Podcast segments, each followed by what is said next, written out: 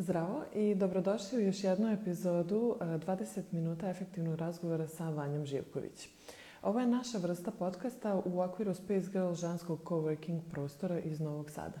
Cilj nam je da okupimo zdravu žensku zajednicu i da vam pružimo informacije potrebne za vođenje modernog biznisa. Ovaj, kao i svaki prethodni do sada e, podcast, e, podržala je Artificial Intelligence kompanija e, Rubik's Code. Više o njima možete pogledati na njihovom sajtu rubikscode.net. Moj današnji gost je Galeb Nikačević, za koga ne treba pretarana najava, ali ukoliko neko nije upoznat, Galeb je neko ko ima preko 20 godina iskustva u medijima, prvo kao voditelj, zatim kao zaštitno lice e, MTV Adrije, e, preko urednika Vajsa i Noiza, a danas je voditelj sobstvene podcast emisije Agelast. Danas će nam Gale pričati o tome kako se odlučio da se jednog, tako reći, sigurnog posla da otkaz i da se upusti u svoju priču, pogotovo pošto je sveže postao otac. E, sada ćemo se povezati sa Galebom, samo sekund.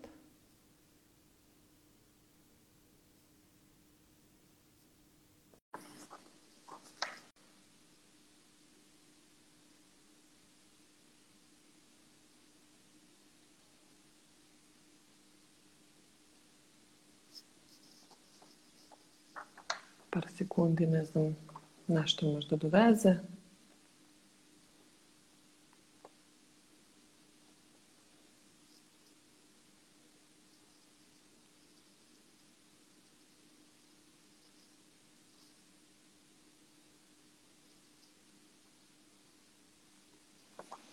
Izvinite sad na čekanju, ali to je kod e, live nastupa, nikad se ne zna šta može da se dogodi, kakvi zvuci sa strane, kako konekcija, tako da to su te čari live-ova.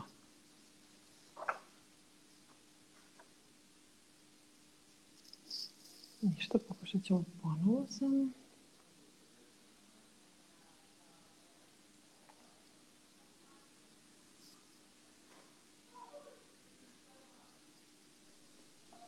Ej, e, ćao. Jel funkcioniš? Ćao. Da. Jel se vidimo, čujemo? Da, da, da. da. E, super. Dobrodošao. Hvala, bolje te našao. Jesi Zašto... čuo svoju najavu? Uh, jesam, jesam deo nego nešto, ovaj, pokušavao sam ti pošaljem zahtev da se uključim, ali iz nekog razloga to nisam uspevao da uradim. Evo vidim da se za ovih nedelju dana uh, format live-a čak i promenio, tako da, A, da? ne znam šta se još ovaj, desilo da Pazi, ovaj, nisam nikada učestvovao ni u kakvom live-u. Mislim, Dobro, barem na, na, na, na, na Instagram live, to je. Da, ono, da, u live-u da, da. sam bio milion puta u životu, da, ali da. na Instagram live-u nisam bio nikada, ovo mi je prvi put. Pa sad se ja upoznajem sa, sa ovaj konceptom. E, evo, to je to, bukvalno. Sad ćemo da. ovako do kraja. E, ništa, ovaj, ako ne bi dodao ništa za svoju biografiju, ja bih odmah krenula sa pitanjima. Može. Ovaj, pa ništa, napomenula sam to kako si imao u suštini kao neki siguran posao. Mislim, mm -hmm. ja lično smatram da to ne postoji, ali da, da. kažemo neki dobar posao jel, mm -hmm. koji se ne ostavlja tek tako. A i kako si postao otac, pa me zanima da nam kažeš kako si se odlučio da da daš taj otkaz i da kreneš u svoju priču koja možda nije, nisi znao ni da li će biti da. profitabilna, ni ništa tako je to. Kako si došao do toga? Zna, zna, znaš kako, ovaj, za početak svaka sigurnost je kratkog veka. To je, to je stvar koju ljudi, mislim da ukoliko do sada nisu skapirali vreme da skapiraju. A, ne postoji ništa što je apsolutno, ništa što je sigurno, ništa što je zaovek, ništa što je 100%, takve stvari su prosto, ako mi ko ikada tako nešto obeća, Laže ne. sebi, laže, laže vas, laže sebe i laže sve ostale.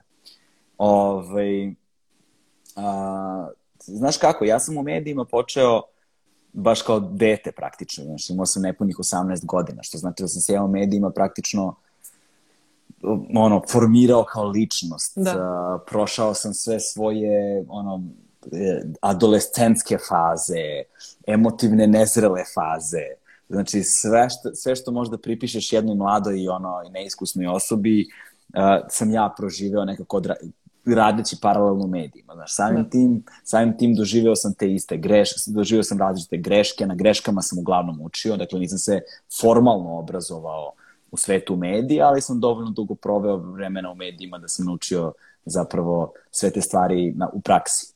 Da. Ovaj, najvećom svojom prednošću u tome smatram, ne prednošću, nego srećom okolnošću jeste što tada internet nije postojao. Odnosno, nije postojao barem ne u ovom obliku kom postoji mm. danas. Nisu postojale društvene mreže uopšte, znaš.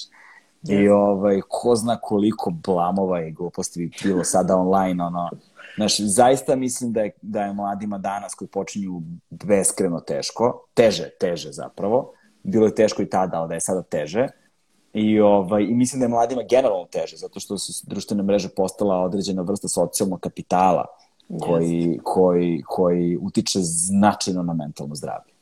I da je jedan veliki faktor usamljenosti zapravo upravo te društvene mreže. Živimo u najpovezanijem svetu od kako postoji svet, a, su ljudi strašno sami. Jest, jest. E, a, ovaj, a onda, znaš, radeći tako u medijima, u, me, u vreme kada sam, čekaj samo sekund, a, nešto mi je musava kamera.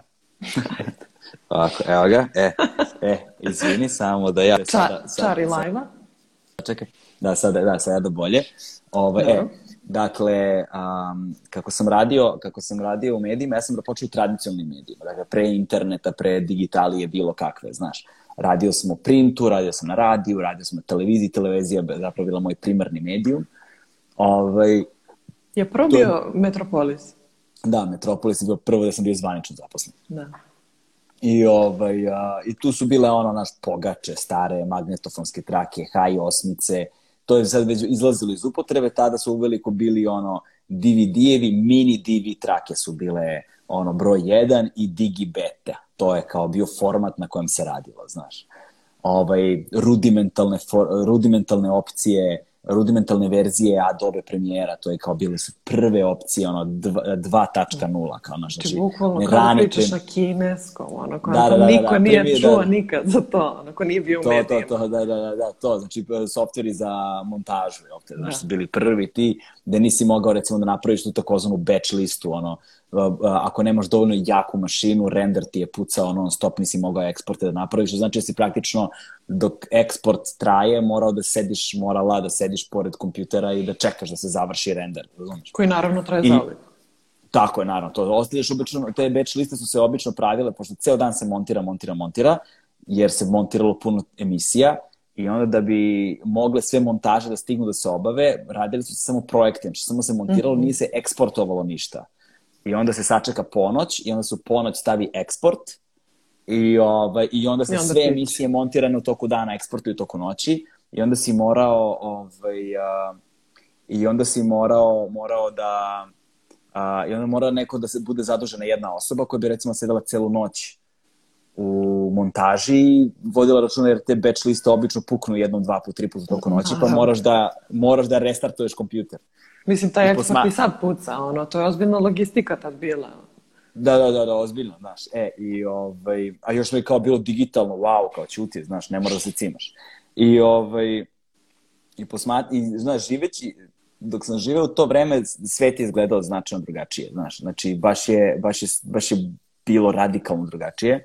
A, mislim, pamte ljudi, nisam ja sad najstarija osoba na svetu, ali, ali mislim da mlađi verovatno ne pamte. Ovo, jer sad smo već godina smo nakrcali, boga mi. Jesmo, ov, nećemo da, o tome. Ov, da, nećemo. Ove, I stvari o tome da a, video sam ono iz, iz prve ruke kako su se mediji menjali. Video sam da. i doživeo na svojoj koži transformaciju tih medija. I video sam kako je polako a, urednička, nešto što se nekada zvalo urednička politika, nešto što se nekada zvalo kulturna politika. -huh. nešto što je nekada bilo delo autora, nešto što je bilo delo ljudi koji su bili stručni da govore o tome, dakle eksperti u ovaj a, u, u, u, u eksperti koji su ono bili a, va, ono edukovani za tako nešto, njihovu poziciju, uredničku poziciju su počeli polako da preuzimaju menadžeri. Mm -hmm. I, I ono ljudi koji vode biznise i onda je moneti, ono što danas zovemo monetizacijom online postalo vodeći a, motiv za to št, za kontrolu sadržaja. Znači mhm. sadržaj, šta ćemo da radimo, o čemu ćemo da govorimo, način na koji ćemo o tome da govorimo, zavisi li isključivo od toga kako mi to možemo da naplatimo. Da. I ovaj, kada je to počelo da se dešava, onda sam počeo da vidim, počeo sam da vidim kompromise koji su bili, pa, znaš, malo je reći ekstremni. I počeo sam da primećujem da postoji ta tendencija da sada ti novi urednici koji su zapravo menadžeri praktično, su počeli polako od ozgo na dole tom strukturom da smenjuju zaposlene, znaš. Mm -hmm. I onda je i onda se desi i onda se desila ta čuvena tranzicija i formatizacija medija koja je donela um, koja je donala tu takozvanu formatizaciju, a formatizacija je navodno trebalo da a, a, pospo, pospeši efikasnost rada, ali desilo se sasvim suprotno. Desilo se to da je vreme za istraživački rad bilo skraćeno, da su sredstva za priču bila smanjena i da je broj mm. ljudi koji je mogao da radi na toj priči takođe bio smanjen i da se naravno kroz uh, inflaciju digitalnog sadržaja desilo skraćivanje pažnje ljudi, zato što se desilo brzo smenjivanje trendova. I, ovaj, i u zaoštrenoj to kao sada fast forward 20 plus godina kasnije, to izgleda onako kako ja više to jednostavno nisam mogao da radim. Znači, ja sam dugo pravio kompromise i ovakve i onakve i počeo sam da primećujem da su mediji postali ništa drugo do, ne znam, stranačko, vlasničko, režimsko ili opozicijono glasilo. Uh, da, Izvim što pa, ne, čitam da, komentar. da, dakle, postalo, znači, mediji su postali to i polarizovala se publika. Dakle, imaš publiku da. koja je prorežimska, imaš publiku koja je antirežimska i ukoliko ne spadaš ni u šta od ta dva, ti se zapravo nalaziš u problemu. Ukoliko želiš da ispričaš neku priču na način na koji ti kao autorka veruješ da je pravi način kako ta priča treba da bude ispričana, to nije opcija, zato što moraš da se uklopiš u neke stvari. Naravno, nije sad ja da idealizujem nekako staro vreme, nije ni ono bilo idealno. Mi smo se stalno zezali da ranije kada se radilo, kada se radilo u printu i, na primjer, radiš novinsku vest i, ovaj, i onda ti doneseš napisanu vest i onda tvoja urednica ili urednik dođu i kažu ti kraće. Znaš, pa sad ti onda pokušao da skratiš, pa ti doneseš skraćenu verziju, pa ti kaže još kraće. Kraće. Onda ti skratiš to, ono, fazom prepoloviš, onda ti donesi kaže kraće. I onda te teraju da skraćuješ do imbecilnosti, da se izveštiš u tome kako brzo, koncizno, jednostavno, kratko, Elevator ka, pitch. Da, da kažeš ono što je važno da se izgovori. Da bi se, naravno, zbog ekonomije prostora, fizičkog prostora na stranici da, da teksta, da, da. jel tako, između ostalog, tu su nastali oni kolokvijalizmi pala vlada, da se izbacuje, kao, znaš, gde se izbacuje pomoćni glagol, jel te je, razumeš, ovaj, iz, iz, iz upotrebe. I ti kolokvijalizmi su kasnije po njima prepoznaješ ljude koji, kada, koji zapravo nisu koji su svu svoju, stru, svo svoje stručno znanje pokupili iz kolokvijalnog pisanja po a, dnevnoj štampi i onda kada žele da budu pametni koriste te kolokvijalne izraze onako kako se zapravo zbog novinske, taj novi, žargon novinarski da. deo sociolekta, tog takozvanog, no da ne ulazimo u to. I, ovaj, I onda sam na kraju bio u velikoj korporaciji. Jer sve što sam Pričaš ja do sad... o Noizu ili da, misliš na... Na kraju, da, na, na Ringier, mislim, na Ringier. Znači, Ringier je poslednja, poslednja korporacija koju sam bio, gde sam bio na poziciji glavnog i odgovornog urednika o Noizu. I ono što je, tad, što je do tada bilo problem, a što je postalo evidentno onog trenutka kada se on umnogo stručio, pa sada više nikako nisi mogao da ga zaobiđeš, jeste to taj moj prelaz u korporacijski ko, mm -hmm. segment naše Ringijera, Ringijera Axel Springera, zato što ja sam do tada uvek radio nečemu što bismo pod znacima navoda mogli da nazovemo nekakvim urbanim medijom. Yes, znaš, i da. to je kao, i to su bili mediji koji su imali relativno skromne cifre, znaš, u određenoj ciljanoj populaciji to je imalo jak doseg, veliki doseg, ali široko posmatrano kad govorimo o najkomercijalnijem tržištu, onom tržištu koje donosi najveću najveće svote novca, mm -hmm. onda on, tu nismo bili nešto što pretarano vidljivi. Znaš, ni MTV populacija, ni Vice populacija, ni ono, ni, po, ni populacija koja je čitala a, muzičke časopise, recenzije u muzičkim časopise, možda misliš ono, praistorija. Znaš, i, ili recimo časopi, ili recimo urbani časopisi, kulturni urbani časopisi koji poput Time Outa, Vice je nekada zapravo to bio, fanzini i tako dalje po, iz kojih su kasnije nastali ovi kao klaberski vodiči, poput recimo Urban Baga ili da, ima, da, tih, da, da. Ima, ima tih nekih sada kod nas isto. Dakle, sve je to prestalo da postoji zato što su to bile niše koje nisu mogli da dobace do onoga što su digitalni mediji posle, postavili kao standard za, ovaj, za, za, za, za zarađivanje novca i ta digitalizacija je donela taj takozvani data-driven business. Jel te? Data-driven okay. business zato što sada možemo demografiju svoju da procenimo ono, u osobu. Ja tačno znam yes. iz kog mesta, koliko vas, kog uzrasta, kog obrazovnog profila, šta vas još zanima, čime, šta, znaš, i onda ja mogu da targetiram odnosno da pravim sadržaj namenski baš za tu ciljenu grupu. Evo, na primjer, kad govorimo o televizijama, e, on upravo to sada radi. Da. I, da. I ono što ljudi ne razumeju jeste da, da, tehnologija kao takva nije nužno ni dobra ni loša. Ali Samo ljudi prati koji... vreme, mislim, da, ali ljudi ali, ga oblikuju. E sada, ali ljudi kao kolektivna bića. Ne mislim da bilo kakav pojedinac ima sam ultimativnu kontrolu ili mala grupa da. ljudi u kontekstu nekakve teorije zavere, znaš. Ali prosto sistem je postavljen tako da se na tim pozicijama nalaze ljudi čiji psihološki profili su već odgovarali a priori tim pozicijama mm -hmm. i oni su mhm. brže napredovali na toj letnici. Oni koji su imali bilo kakav etički, moralni, ovakav ili onakav problem sa time što su radili, nažalost, pa tome, ni, tako je, nisu uspevali. Pa ja sam stigao do jedne tačke i tu sam se ja slomio. Znaš, tu sam se ja slomio. Slomio sam se kod kompromisa koje nisam mogao da napravim. A problem je u tome što kada na tom velikom uzorku, kada, su, o, kada je ogromna publika u pitanju, kada da. tu ne pristaneš na kompromis, a, onda udarac nije 100-200 evra, znaš. Da, da, da, da. da. Udarci se mere u desetinama hiljada eura. Mm -hmm. I onda sastanci na kojima ti moraš da odgovaraš za svoje postupke nisu baš prijatni sastanci. Da, onda na... ste dobar fit u stvari. Tu, tu znaš, na, način, način na koji se ti vraćaš kući, kako sediš na, kod kuće, ono, mailovi koji ti stižu, pozivi koji ti stižu, poruke koji ti stižu, to je konstantan pritisak koji, ukoliko ti nisi tip osobe koji je okej okay sa time da radi takve stvari, pre ili kasnije će te to slomiti. Da. Pojedete, pojedete. I to je se desilo meni. Dakle, ne mogu ja ni za koga tamo da kažem ništa dobro niti loše. Da, to je tako kako je. Ti sad su... možeš da se uklopiš ili da, se, da izađeš. Tako je. Ali mislim, ali, baš veliko... Ali sam prime... Veliki respekt da, sam... za to kako si ono svoje moralne ono, načela stavio nije ispred... To, nije, uh, Misliš, ali ne... Tu gre... nije, nije, to, nije to respekt, znaš, to je uh, nužnost. Dakle, ja sam došao u tačku nužnosti. Ja nisam mogao više. Mhm. -huh. Razumeš? Znači, ja nisam mogao više. Ja sam imao dobar posao. Po znacima navoda dobar posao. Da. Ja sam imao odličnu platu. Da. Razumeš? Ono, višestruku a, prosečnu platu u Srbiji, šta god da, da prosečna da. plata bila, pošto je to vrlo problematičan pojam. O tome tek nećemo. U da. te stvari ne zalazimo. Da, Ti dobro. Kakive... Ne. dobro.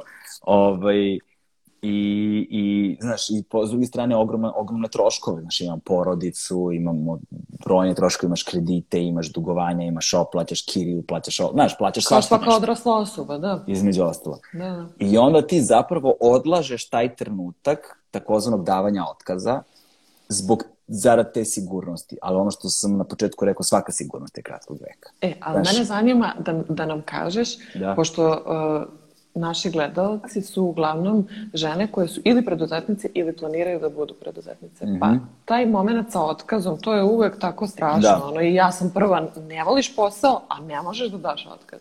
Nećeš umreti da. bez tih para, ali nekako da. tu ima neka barijera.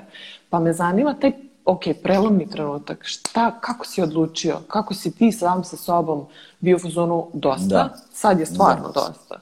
Da, ovaj... Uh, pa znaš kako, počelo je, uh, počelo je, mogu da ti dam dva konkretna primjera, recimo, koji su bile ulazna tačka i prelomna tačka. Dakle, to se kod mene nagomilavalo već dugo. Dakle, da, da ruku na srce, znaš, to nije počelo sa rengijerom, razumeš? Znači, da, kažem, da, tu, da. tu se samo povećalo, to je počelo godinama unazad, razumeš? I, ovaj, posle, i u ovim međunarodnim korporacijama, da se mi razumemo, dakle, ništa ovi naši nisu loši od onih njihovih. Znaš, da, da nema pa, tu... Poslovni model je poslovni model. Ti se uklopi ili nemoj da se uklopiš i on je internacionalan, on je jedinstven svuda. Razlika je samo u tome na koji način određene zemlje uh, poštuju zakone koji su propisani i onda kako se u, u skladu sa tim zakonima i praksama tih zakona formiraju takozvan, dešavaju takozvana klanska organizovanja, negativne selekcije i tako dalje, znaš. Znači, koli, koji je stepen neopotizma, koji je stepen a, a, i socijalnog jaza, kad kažem socijalnog jaza, mislim na vrstu socijalnog kapitala koji pretpostavlja da ti posjeduješ da bi se bavila određenim poslom.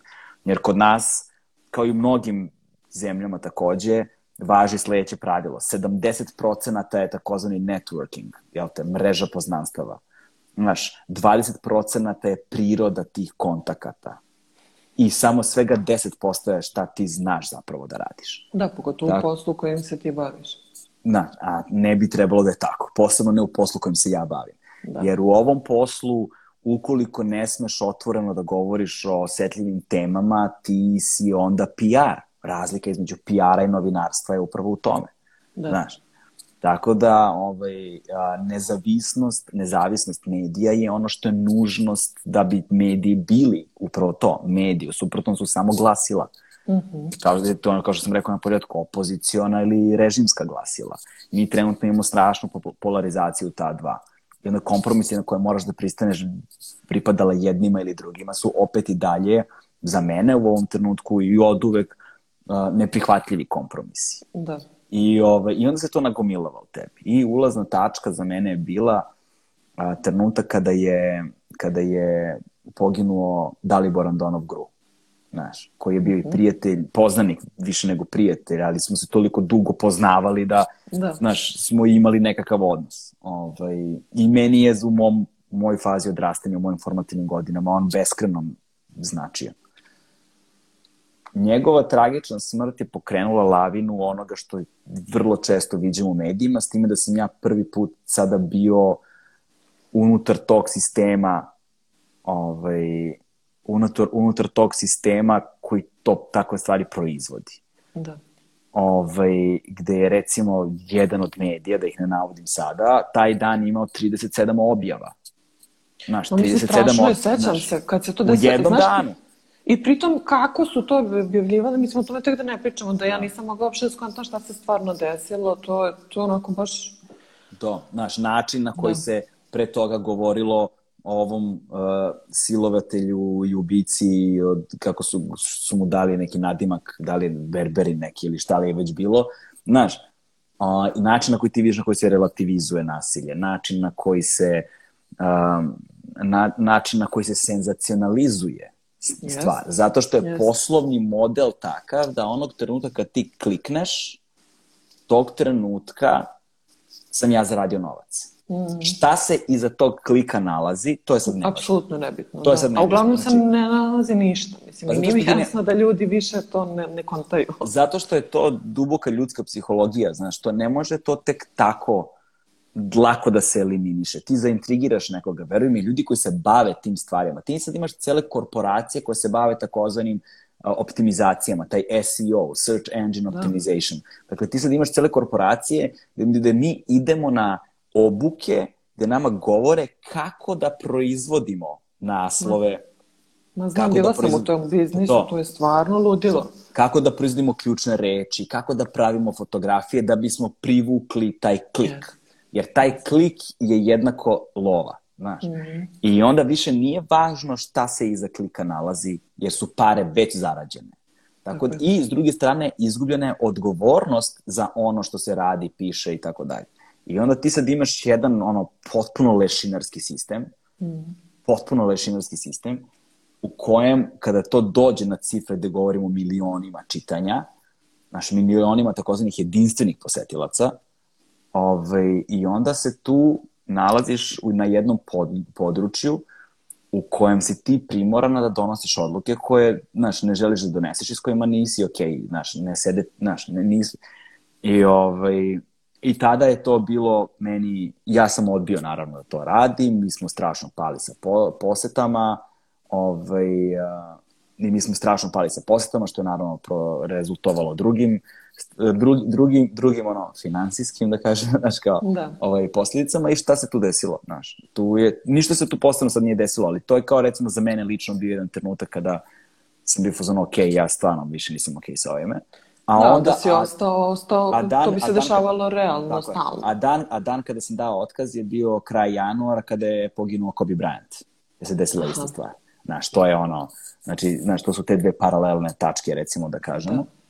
Ovaj, I mislim da to nije samo to, nego da negde, ono, kumulativni efekat, nazovimo, ovaj, a, svega što se dešavalo, recimo, poslednjih 10-15 godina u nas Da. kako, kako je to krenulo. Znači, mi smo imali situacije, primjera radi, ovaj, da se sad, aj sad ovo su ekstremni primjeri, znaš, sada, ono, mi smo imali situacije, na primjer, na MTV-u radimo, znaš, i kao sada mi smo nekakav regional, nekakva regionalna medijska kuća i trebalo bi da imamo regionalnu popularnu muziku, znaš, sad se poslije pitanje šta je popularna muzika. Tvoja Znaš. popularna ili ono što je stvarno popularno u regionu, mislim. To je problem, što mi Da. zapravo i to nemamo. Znaš, ti nikada nisi imala, a, dakle, od 45. od ono, od kraja drugog svjetskog rata na ovamo, nikada niti jedan jedini put u istoriji Jugoslavije, ono sad u Hrvatskoj postoji, ali govorim u kontekstu Srbije, u istoriji Jugoslavije, potom i Srbije, nije postojala a, tržišno relevanta top lista. Jer ti si od uvek Stvarno? imala, nikada, A da, nikada. zna, da, da, da. A sad znam da imala- postoji na Hrvatskoj zato što Ida ovaj, stalno iskače tu, Ovaj, vidiš u pravu si. Da. Zato što, zato što si uvek, od uvek imala spregu medija i izdavašta. To je taj sukob interesa. U tom sukobu interesa, taj sukob interesa obeležava celokupan biznis medijski. Dakle, taj sukob interesa a, postoji, a, dakle, to izdavaštvo i a, medijske kuće su sukobu interesa zato što ukoliko ja imam izdavaču kuću, imam medijsku kuću gde promovišem sobstvena izdanja, šta to znači za one koji nisu na mom labelu? Da. Znaš, to je ta negativna selekcija. Dajem prednost onima koji, koje objavljujem, ne dajem prednost onima koje ne objavljujem. Naravno, ne postoje nigde pravi tržišni podaci o prodaji. Svaka medijska kuća ima svoju izdavaču kuću, od RTS-a, Pinka, tadašnjeg B92, sve medijske kuće imaju svoju izdavaču kuću. I onda ti kad pogledaš, ne znam, top 10 listu na tim medijskim, u tim medijskim kućama, sve top 10 liste su potpuno drugačije. 92 je imala svoju listu popularne muzike, RTS je imao svoju listu popularne muzike, Pink je imao svoju listu popularne Tako, muzike. tako si mogu ti da napraviš svoju listu, ono, bukvalno je. na ličnim a, to, je, preferencijama. a ko je pravio, a ko je pravio liste? To su bili Ljudi nekakvi, nekakvi urednici, nazovemo tako, koji su se usaglašavali oko toga, e, mi ćemo sad da napravimo, nećemo da napravimo. Da. Znaš, i kao, i to je bila odluka. Neko je, donosi, neko je lično donosio odluku, e, ovaj je sad na trećem mestu. Znaš, kao, Da. šta je tu tačno tržišni parametar? Da, ne, da. kažem, ne, kažem, ne kažem da uredničke odluke nemaju vrednost i težinu, da se razumemo. I te kako imaju. Da, ali- samo što je u tom smislu, Da. to je previše nekako lično. Znaš, ono, je Gi- na... Giles, Giles Peterson je prvi probio onoliko muzičara na svetskoj muzičkoj sceni i pomogao gomili nepravedno zaboravljenih i zaposlenih muzičara da ostvare svoja prava i da dobiju vidljivost koju su zasluživali. I to apsolutno nije sporno, ali je fora u tome da oni dolaze nakon što se uspostavi zapravo ta vertikala, nekakva tržišna, nazovimo je, Da. pa onda u odnosu na nju, nju nazovemo da pop vertikala, to je ta popularna kultura, jer Mhm. razlika između popularne i narodne je u tome što naroda, narodna kultura dolazi iz naroda, a popularna je plasirana u narod. Dakle, tržišnim kanalima komunikacije, namenski proizvedena i plasirana u narod. Tu je velika razlika. I onda ta popularna je ta tržišna, ta vertikala, a horizontala bi onda bile sve te alternativne, nazovimo ih, a, subkulture i zato se ne zovu alternativne, jer su Da. alternativne u odnosu na nešto, u odnosu na popularno. Da. Ali ako ti nemaš Ali popularnu ako nemaš vertikalu- popularno, onda imaš samo Šta znači onda alternativu na narodnu. Znaš, da, tako, ali šta to onda znači? Znači, i ta polarizacija, ovi su ovakvi, oni su onakvi, i to normativno posmatranje tih kulturoloških odnosa je promenilo značajno način na koji smo mi ono, formirali našu psihologiju mišljenja, zato što je to generacijski već tako. Znaš, jer 90. godina nije bilo samo ti slušaš cecu. Znaš, nego ti Ne, je- slušaš cecu i ti si ne znam šta. Razumeš? Naravno. Ovaj, I to se prenelo. Znači, digitalna generacija je to negde izbrisala, tako da ne mogu da kažem da su digitalni mediji potpunosti loši. Nisu, kažem, na početku sam rekao, nisu ni Sve loši, ima ni, svoje, da. tako, nisu ni loši ni dobri. Samo je stvar u tome ko je ih na kakav način upotrebljava. Upravo to. E, e sada, ovaj, i onda sam ja prosto došao do te tačke ključanja, nazovimo je, sedeo sam jedan dan i ovaj, naravno stvari su se nagomilavale, nije to ni sa druge strane prošlo potpuno nevidljivo. Znaš, imao Da, sam ja da, da. onoliko razgovora, jesi li okej, jel ti zaista želiš da radiš ovo, da li si spreman za ovu vrstu obaveza na koje ja nisam davao jasne da i ne odgovore, Mhm. nego sam uvek nešto vešto ili manje vešto ovaj, izbjegavao da dam te odgovore. I ovaj, to se prelomilo tada. To je bio kraj januara, tačno je, ljudi nekako googlili kada je poginuo Kobe Bryant i tada, tada je otprilike to bilo.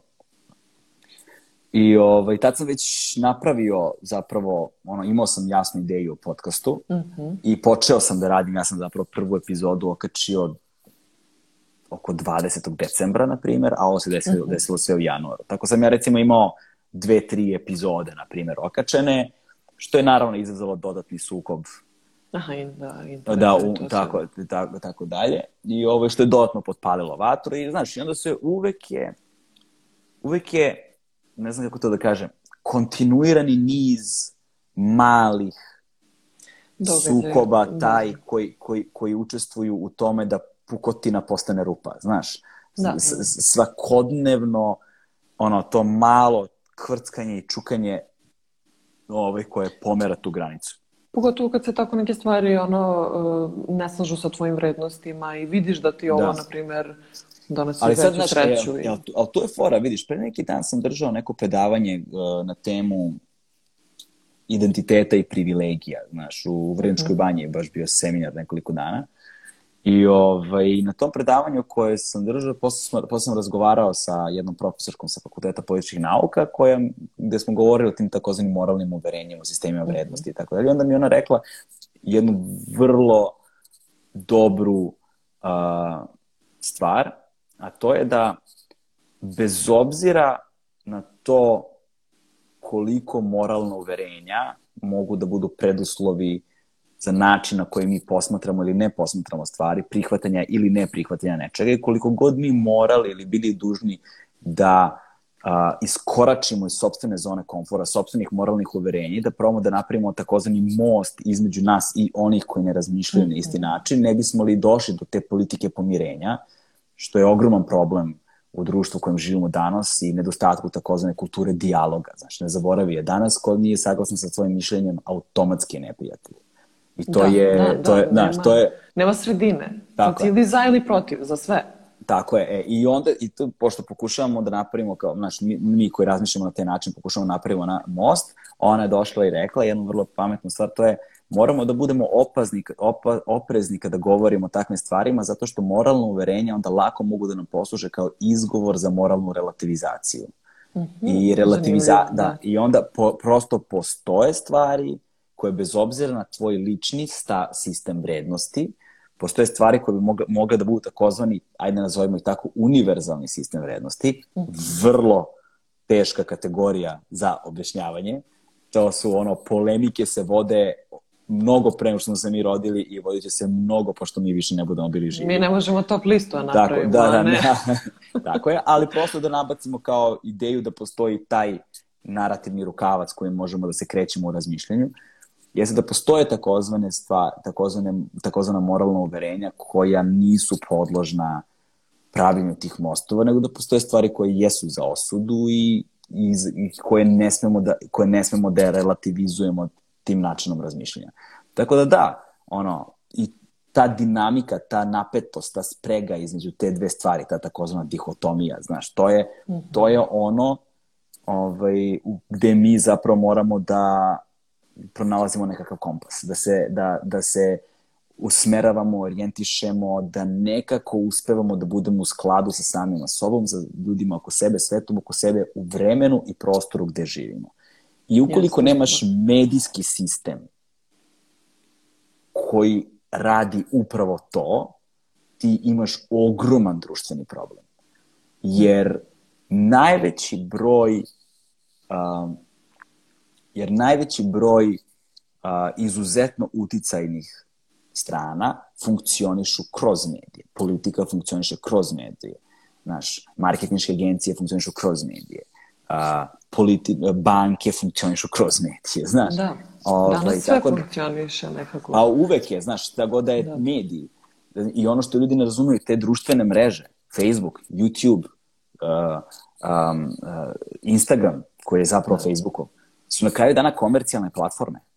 Znaš, ti ljudi Apsolutno. zarađuju novac od toga što rade. Vrlo I onda, ozbiljan. ali šta je to, šta je, šta je ono čime zarađuju novac? Šta je sredstvo za rad njima? Dakle, pekar ima a, sirovinu od kojih proizvodi peciva, znaš. E sad, A, to je moje sledeće pitanje za tebe, pošto smo mi Da. zvanično na prvom pitanju.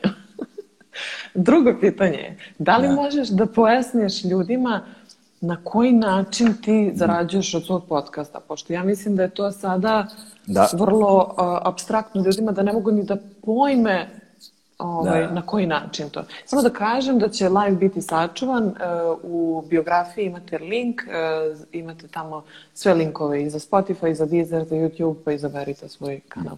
E, to je. ovaj, Kako zarađuješ? E, nije zarađujem, tajna, znači, da ne, ne, nije, nije, što bi, što bi takve stvari bile tajna, ne daj Bože, ono, znaš. Posebno- mislim da po- ljudi posebno- nemaju možda ni ideju kako bi svoje neke tako stvari monetizovali. Da, po, posebno što, posebno što uh, podcast ekosistem se tek razvija Da. i ovaj, ja mislim da sam pa da li jedini sada, ne mogu da kažem jedini pored Daška i Mlađe, čini mi se koji živimo od toga. Dakle, that's it. Nemam plan B, Da. nemam, Da, nemam da. primarni posao od kojeg zarađujem novac Ovaj, Čak razmišljam da li su Daško i mlađe još, još negde, ali ne znam. Daško je mlađa preko. Daško je mlađa preko Patreona zarađuje. Isto, znaš. tako? Da, da, da, da. Da. Ali da, meni, meni Patreon ne pokriva ni delić troškova, znaš. Jedan Da. vrlo mali deo troškova ne pokriva Patreon. Posledno što je Patreon nestabilan još uvek kod nas, znaš. Ljudi Mhm. dolaze, odlaze, dolaze, odlaze, naplaćuje se jednom mesečno na kraju meseca, što znači da kod nas i dalje ljudi funkcionišu po principu impulsivne kupovine. Koliko puta Mhm. u životu ti se, na primjer, desilo da ti dođeš negde ispred izloga nekog ili šta god vidiš nešto i u fazonu si, imaš tu konekciju s tim nekim objektom, šta god, daj, si, "Oh, ja ovo moram da imam, ovo moram da imam i onda uđeš u radnju i kao, koliko košta, molim vas, sačuvajte mi, kupit ću sutra. Znaš, i onda odeš kući, prođe dan, dođe sutra i, Saberi se, Vanja. i do sutra ti se već nešto i ne kupuje, znaš Da. emotivno impulsivno kupujemo naj, u najvećem broju slučajeva, osim kada je nešto baš potrebština. Kultura i sadržaj tog tipa nije baš nužno doživljavana kao em, potrebštinu u tom Pa kontekstu. Kada- pogotovo kod nas, mi nemamo tu kulturu kupovine takvih stvari, po, samo radi podržavanja. Pazi, jel? samo da kažemo, ranije smo imali, Jel? znaš, ranije smo, ran, ranije, ranije smo, ranije smo imali ovaj, a, z, a, nekada smo bili pretplaćivani, ne znam, na nacionalnu geografiju, znaš, ili odemo negde pa kupimo album A neki, dobro, muziki. da. Znači, Da, da, da. stvari se kupovale. Prosto, a, ova digitalizacija, kad govorim o digitalizaciji koja je neka nova stvar, to je 20 godina i više, znaš, ali, ali je prosto ove platforme na digitalnim medijima su donele tu kulturu besplatnog, znaš. Yes. I, e, A i- i, a i, što te osjećanja da je sve besplatno, da. Ali i to što, na primjer, ja, na primjer, konkretno imam problem sa tim što je to svakog meseca. Ja Da. volim da podražim razne stvari. Čak Da, i, da. na primjer, lupam. e, Canva je pro, program koji koristim svakodnevno, bukvalno. Mhm. Ali on je 15 dolara mesečno. I Ja sam jedno vreme plaćala, ali ne mogu stalno da plaćam 15 dolara. Ja Da. hoću njih da Ne. podržim, ali, znaš, kao ne možeš uvek. E sad, postoje različiti je- načini podržavanja, naravno. Patreon je u ovom kontekstu najbolji, zato što bi Patreon bio idealan uh, zbog ovoga o čemu sam govorio sve. Sad, ova priča o kojoj sam malo pregovorio je mnogo komplikovanija od onoga što sam ja Naravno. rekao, ali mi nemam, ovo, ovo nije prosto ni vreme ni mesto da elaboriramo te stvari, ja, ja ih radim duže od 20 godina, Pa nemojte da mislite da mogu da ih svedem u tri rečenice, znaš, to prosto nije moguće. I kompleksni su ti odnosi, posebno ti odnosi između marketinga, prodaje, sadržaja, uređivanja, tržišne konkurentnosti, uticaja vlasti i tako dalje. Znači, tako da to je vrlo, ono, pa onda uticaja stranog kapitala, franšizni mediji, sve je to jako, jako, jako komplikovano. Znaš, pa onda targetiranje publike, pa kako digitalni mediji utiču na to. Čak se kako... neću ni uplić, neću te čak ni prekidati u smislu da sad krenemo o tome, jer to je stvarno toliko Ne, ne, to ogromno ne, ne, da nema, to... da, nema, nema smisla. Ja sam, dakle, ja sam samo dao jedno, jedno Dotakli plati, pla, se, plastičan, plastičan prič, prikaz nečega što se vrlo specifično odnosi na lokalno tržište. Pa nije tako banalna uh, u razvijenim zemljama gde funkcionišu zakoni na drugačijem nivou i da, trž, da postoji takozvana tržišna konkurencija, jer ovde mi govorimo o jednom monopolizmu svoje, svoje vrstnom takođe. ovaj, pored samog klanskog organizovanja, kartelskih odnosa i tako dalje. To je, znači, sve ono jedna vrlo uh, komplikovana tema. Vratimo dakle, se na- dakle, na- da, na ovaj, fore, fore, fore, fore u tome, Patreon je u tome i odličan zato što je on direktna veza između tebe i mene. Da. Bez, bez posredovanja, bez ičega, bez komercijalnih sponzora, bez nekoga ko može eventualno da utiče na sadržaj, na prirodu sadržaja Mm. ovoga i onoga. Znači, sadržaj koji ti voliš, evo ti vrate pare i onda dobijaš sadržaj. S druge strane, Patreon ti, da, eh, ti nameću takozvanu odgovornost da ono što si proizvodila nastaviš da proizvodiš sa nivom kvaliteta koji, zbog kog su tu došli. Jer, Da. jer, jer je to vrlo osetljiva kategorija, ukoliko malo zajebeš, odoše svi. I ti tačno možeš da izmeriš to, znaš, nije to tako teško izmeriti. E sada,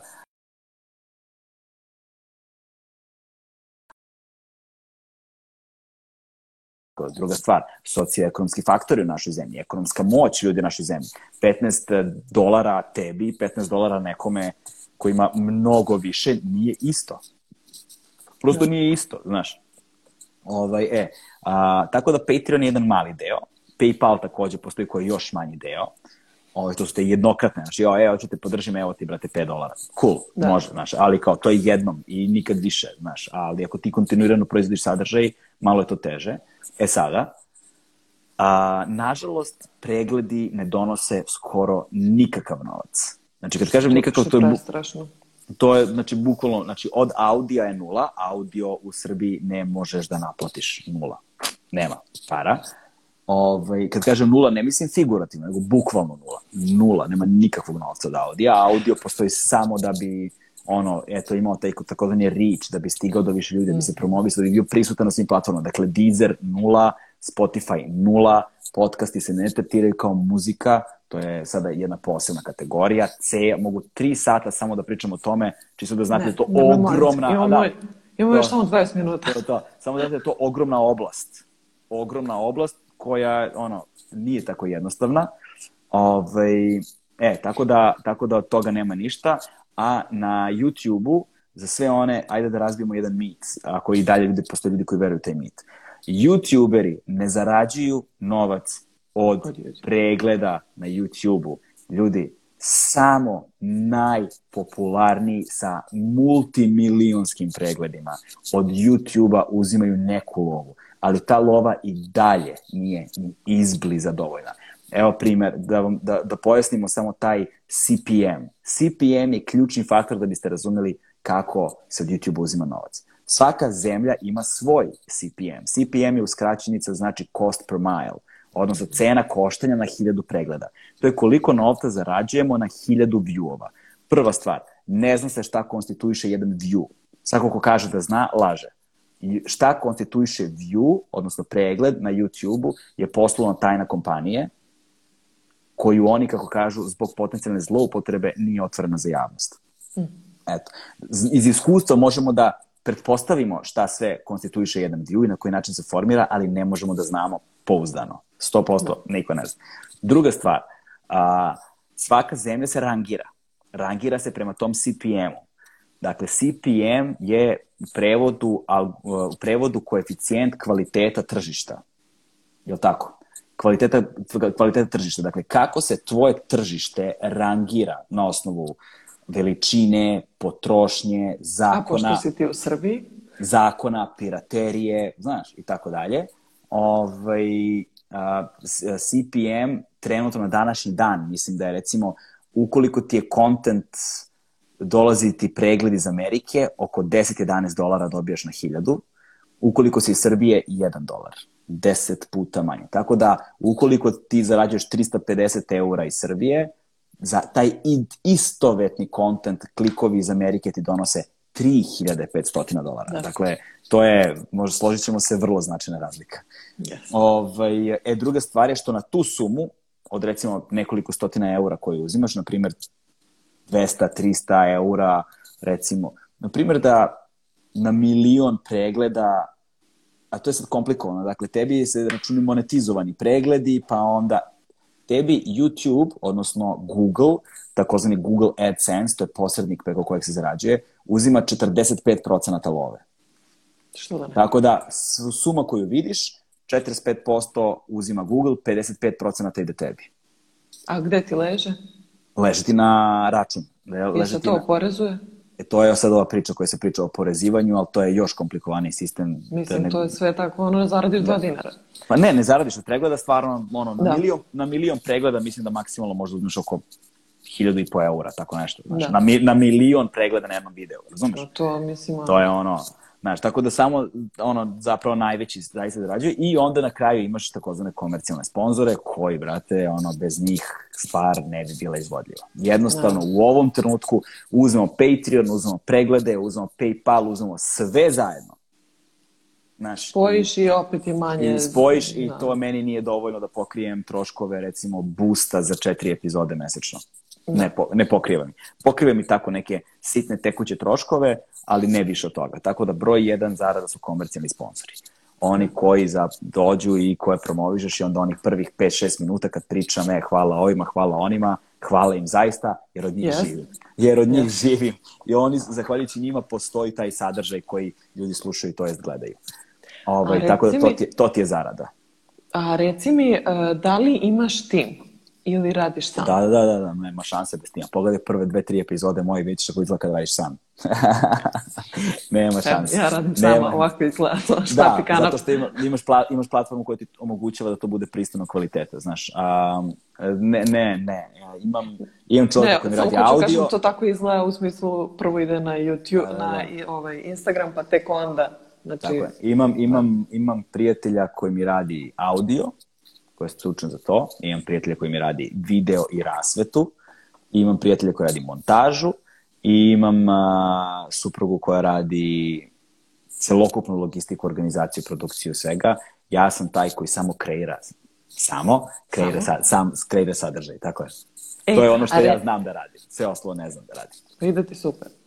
Imaš super prijatelja, a tebi ide super. Da, i sada, i sada, i sada pokušamo da, da, sada pokušamo da ubacimo merch, odnosno robu, Mhm. jel te?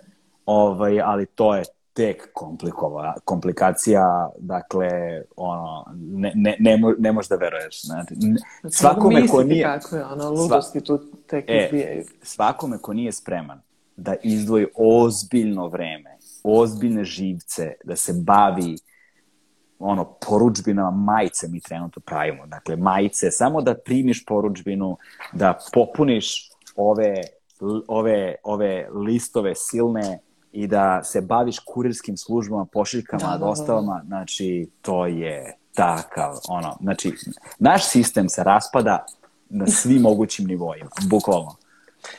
Ali nema veze, nećemo o tužnim temama. E, da te pitam dalje.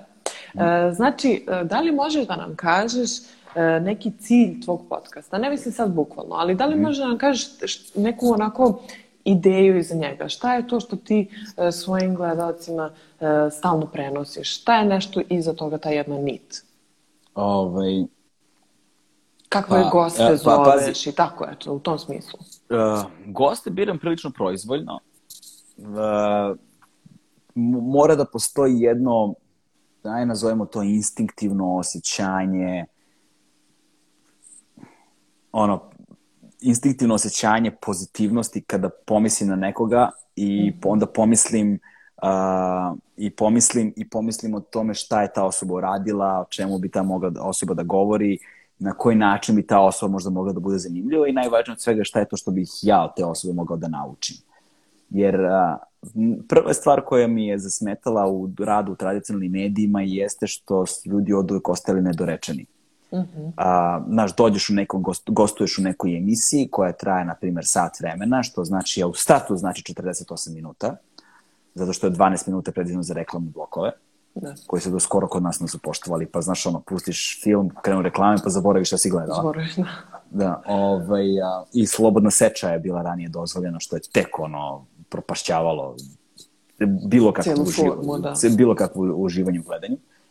Ovaj, to je već 48 minuta, dakle. I onda imaš recimo tri sagovornika, imaš uvodni deo, špicu, ovo ono, to je već 40 minuta. I onda svako bukvalno izgovori po pet rečenica i kraj. Znaš, ti ni jednu temu ne možeš zapravo da obradiš, ni na jedno pitanje zapravo ne možeš da daš odgovor. I ono što je najgore od svega, što postoji ta takozvana uređivačka politika, nazovimo je pod ono ozbiljnim znacima navoda tako, gde nemaš niti slobodu, niti mogućnost, niti a, spektar onoga šta možda kažeš, na koji način možda kažeš, kako možda argumentuješ stvari. A dubina, dubina ne postoji uopšte. Da. I to je prva stvar. Druga stvar je što su obično dovođeni ljudi namenski. Namenski mm. u kontekstu, na primjer, da li dovodiš sportistu, glumca, pevačicu, pevača, nije važno, nekog uspešnog u ovome ili onome, ali je fora u tome što dolaze zato što imaju nekakav konkretan projekat. Znaš, mm -hmm. uspe, sportista je postigao nekakav uspeh i onda se govori o tome. Znaš, neko da. je objavio album i onda se govori o tome. Znaš. I ovaj, onda nikada ne dobiješ spektar te osobe, nego je upoznaješ samo kroz prizmu toga što radi. I tu se, izgu, i tu se gubi ta, lju, taj ljudski faktor koji ti podcast daje. U podcastu kad blejiš, ima, u podcastu kad slušaš imaš utisak kao da blejimo zajedno yes, svi. Yes. To je prva stvar, kao da ono, družimo se.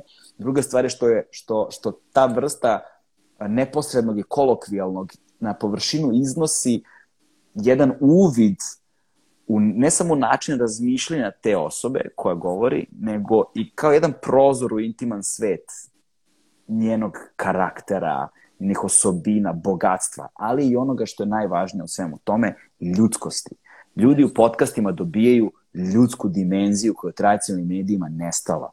Gde ti mm. zapravo vidiš i možda se poistovetiš. Gde ja želim od svakoga ko je proživeo svašta u životu, video ovo ili ono, da čujem taj trenutak kad im je bilo teško. Da, da čujem taj trenutak kada su sumnjali možda u sebe.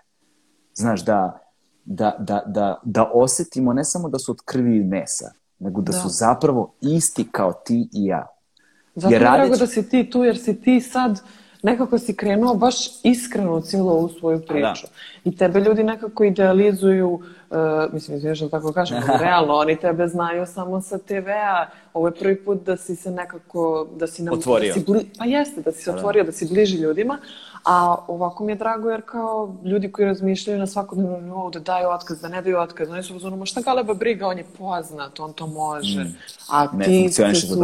Da, pa da. Da, ne funkcioniše to tako uopšte. Nažalost, ne funkcioniše to tako. Tako da znači, hvala ja bih... ti što, što da. pričaš ovo ovdje. ja, bih, ja bih voleo, ja bih voleo zaista da sam ja mogao svoj takozvani socijalni kapital da unovčim na takav način da. kao što ljudi predstavljaju. Znači, ja da sam zaista to i želeo da uradim tako, ja sam to mogao da uradim mnogo ranije. Nisam da. ja morao sebe da ogoljavam i da rizikujem sa ovakvim uh, sada već mogu da kažem poslovnim poduhvatima, u tom trenutku ambicioznim ludilom. Znaš, ako izgledao trenutak, ja, e, pazi, ja kada sam želeo da dam otkaz, moraš da uzmeš u, op, u obzir realnost situacije. Dakle, pa, imam da. suprugu, imam čerku, imam... Da, ludilo. Ono, znaš, imam, imam, imam kredite, imam, imam kredite, imam ono stan u kojem sam pod rentom, znaš, nisam kupio gajbu za 20 godina rada u medijima, znaš, ono, plaćam kiriju. Dobio, ovaj, dobio. Ima, da, da, to, imam druge privatne troškove, porodične koji nisu mali, znaš, moja nula, vrtić plati vrtić, znaš, moja nula svakog prvog u mesecu je, ono, nije, znaš, nije tako blizu nule. Da, da. ovaj, kao ni verovatno većini drugih ljudi. S druge strane, radio sam dobar posao, bio sam visoko pozicioniran u najjačoj jednoj najjačih medijskih kompanija u zemlji, u regionu. A, imao sam, radio sam na svakodnevnom nivou jaki kontakti sa agencijama, sa komercijalnim klijentima, nudilo mi se sve i svašta, ono, plaćen telefon, plaćeno ovo, plaćeno ono, znaš, plaćena garaža, razumeš, razumeš, znači gomila, Teško je odreći se tako. Gomila konvencija, gomila konvencija, I svašta sam nešto imao i visoku platu pre svega. Dakle, mm. svakog meseca sam imao visoku platu, prijavljen na tu platu, stalni radni odnos. Znaš, mene su baš tretirali u tom kontekstu, ono, znači, izuzetno... Dobro, ti si se naradio da dođeš do toga. Jesam, ali kažem ti, znaš, i, sa, i s druge strane, tu je taj faktor koji ljudi ne uračunaju, ne, ne uračunaju. 20 godina sam dao tome. Da. Znaš, 20 godina Nisi sam ja dao tome. došao i dobio sve to. Znaš, ne, to ne, okrećeš, tako, ne okrećeš leđa karijeri koju si pravila 20 godina tek tako preko noći. Znaš, to da. nije jednostavna odluka. To, to zahteva da otrgne deo tebe i da odu zabora. Ali pazi, ti si tu. Mislim, nisi pa ti da, sad otišao. ali to da nije to tako je, zabavno. Znaš, I onda sam... Nisi otišao da pišeš knjigu. Da. Ali, šta se desilo sve to, znaš? I onda kada su me ljudi pitali, moji bliski prijatelji koji su me pitali kao šta želiš da radiš, kao ja ću napraviti YouTube kanal. Znaš, sa 40 godina ja ću da napravim YouTube kanal. Kao šta, šta si rekao, čekaj ćeš da živiš, kako ćeš da hraniš familiju, plaćaš kredite, da odeš sa pozicije glavnog i odgovornog urednika 20 godina, šta ćeš da radiš, da napraviš YouTube kanal.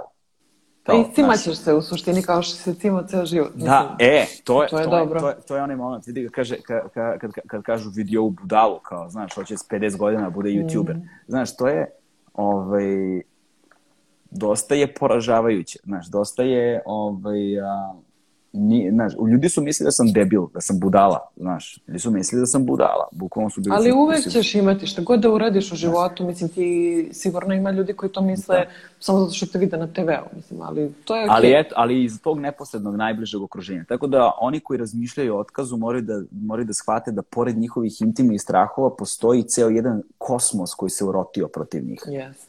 Znači, koji vam ne dozvoljava da vidite a, sebe onakvim kakvim zaista jeste. I, o, i, I koji vam otežava, zamagljuje vam pogled na ono što bi trebalo da bude vaš cilj. To je ono što je ogroman problem. I onda kako ti da vidiš cilj od svega toga? A, š, imaš ogroman šum u komunikaciji sa sobom. Mm. Slika je mutna. Znaš, sve ti pomoćuje, sve te destabilizuje. Emotivno, psihički, duševno, materijalno. A, te nevidljive neti, niti kojima smo vezani za svoje bližnje, svoju porodicu, svoje, svoje korporativne poslovne odnose, taj, te nevidljive niti kojima smo vezani za sve oko sebe. Sve je napeto do pucanja i ne dozvoljava nam da skočimo. I vrlo je sličan taj osjećaj, ono, kao kad stojiš, ne znam, na nekoj litici velikoj plašiš se da skočiš visine, pa taj moment kad skupiš hrabrost da skočiš, pa Da. ono, pa, pa, pa, pa to, ta, ta, ta, ta ne, znaš, a, to skupljenje hrabrosti na ivici, e, ono, vrlo je, vrlo je sličan osjećaj, samo što traje mesecima. znaš, to je, da, to je, ovaj, i Prošla sam ga i apsolutno razumijem bukvalno Da. sve što si sad ispričao, to je baš Da, onako da, mučenje. A, ovaj, a onda kada skočiš i kada napraviš prvih nekoliko koraka i kad se pokrene, okreneš iz, iz preko ramena, pozvoni si, jebote, što sam ovoliko čekala. Šta mi je trebalo da ovoliko sačekam, znaš? Ipak smo na kraju dana ljudi, je. Ovaj, ipak smo na kraju dana ljudi i, i, i to je ono što sistem radi. Sad, sad, sad ću da zvučim kao neki ono, a, teorije zavere, bullshit, ali, ali ne. To ono, ali sistem je takav da poljulja tvoje samopouzdanje, veru u sebe. Ako ti nemaš vere u sebe, ako ti ne znaš jasno ko si i šta je to što želiš da postigneš u životu, ako nem, nemaš dovoljno poverenja u sobstvene veštine, sobstveno znanje, Jeste. sobstvenu kreativnost, sobstvenu sposobnost da staneš na noge, znaš, a, kako će bilo šta ovaj, jasno i precizno da znaš u životu. Kako ćeš uopšte da se o, usudiš na, i, i ta i, i, i to je i taj, to je taj a, to je taj jedan a, kako bih rekao ta siva zona između propasti i uspeha. Znaš, imaš, imaš tu sivu zonu i u toj sivoj zoni se, se nalaze svi tvoji strahovi i svoje sumnje koje, zbog kojih ostaješ tu gde si da ne bi pala u onaj deo kojeg se plašiš, u koji zapravo nikad ne padaš. Kaže, izvini što te prekidam, ali imamo još bukvalno samo minut i po. A, okej. A samo sam teo ovo, ovo, da, ovo Da. da. napomenem. Dakle, i još jedna stvar je iznad toga, mogućnost da promeniš život u svakom datom trenutku je ono što te sprečava da promeniš život u svakom datom trenutku. Razumeš? Zato što Da. ideja da možeš da uradiš sutra je ideja zašto ćeš odložiti za sutra. I možda ćeš baš za 10 godina da se pitaš zašto tu taj korak nisi napredila danas. Okay, Hvala ti, ovo je baš lepo za kraj. E, A onako, stvarno, inspirativno i da. nisam te pitala ništa što sam htjela da te pitam, ali nema veze, evo, ostavljam papir. E, mnogo ti hvala na ovom gostovanju, žao mi što ne možemo da pričamo još sat vremena, um, ali eto, to je, to je eto, Instagram diktira ovaj, i timing. Aha, ima i limit ovde, a? Pa da, A, zato dobro, možemo dobro, dobro. pričamo toliko. Ovaj, A, još okej, 40 sekundi, evo odbrojavam i gore. Uh, bilo mi je mnogo prijatno, nadam se da i tebi i nadam se da je ljudima bilo korisno. Live će biti sačuvan. Uh, imate u biografiji sve linkove, Da. tako da, eto, To je Hvala, to. Hvala. hvala tebi puno. Hvala tebi puno. Hvala svima koji su slušali i gledali ljudi. Je. Hvala vam što Vidi- postojite, jer bez vas ne bih postao ni ja. Ni ja. Hvala vam. Ćao. Hvala. Ćao, čao, čao.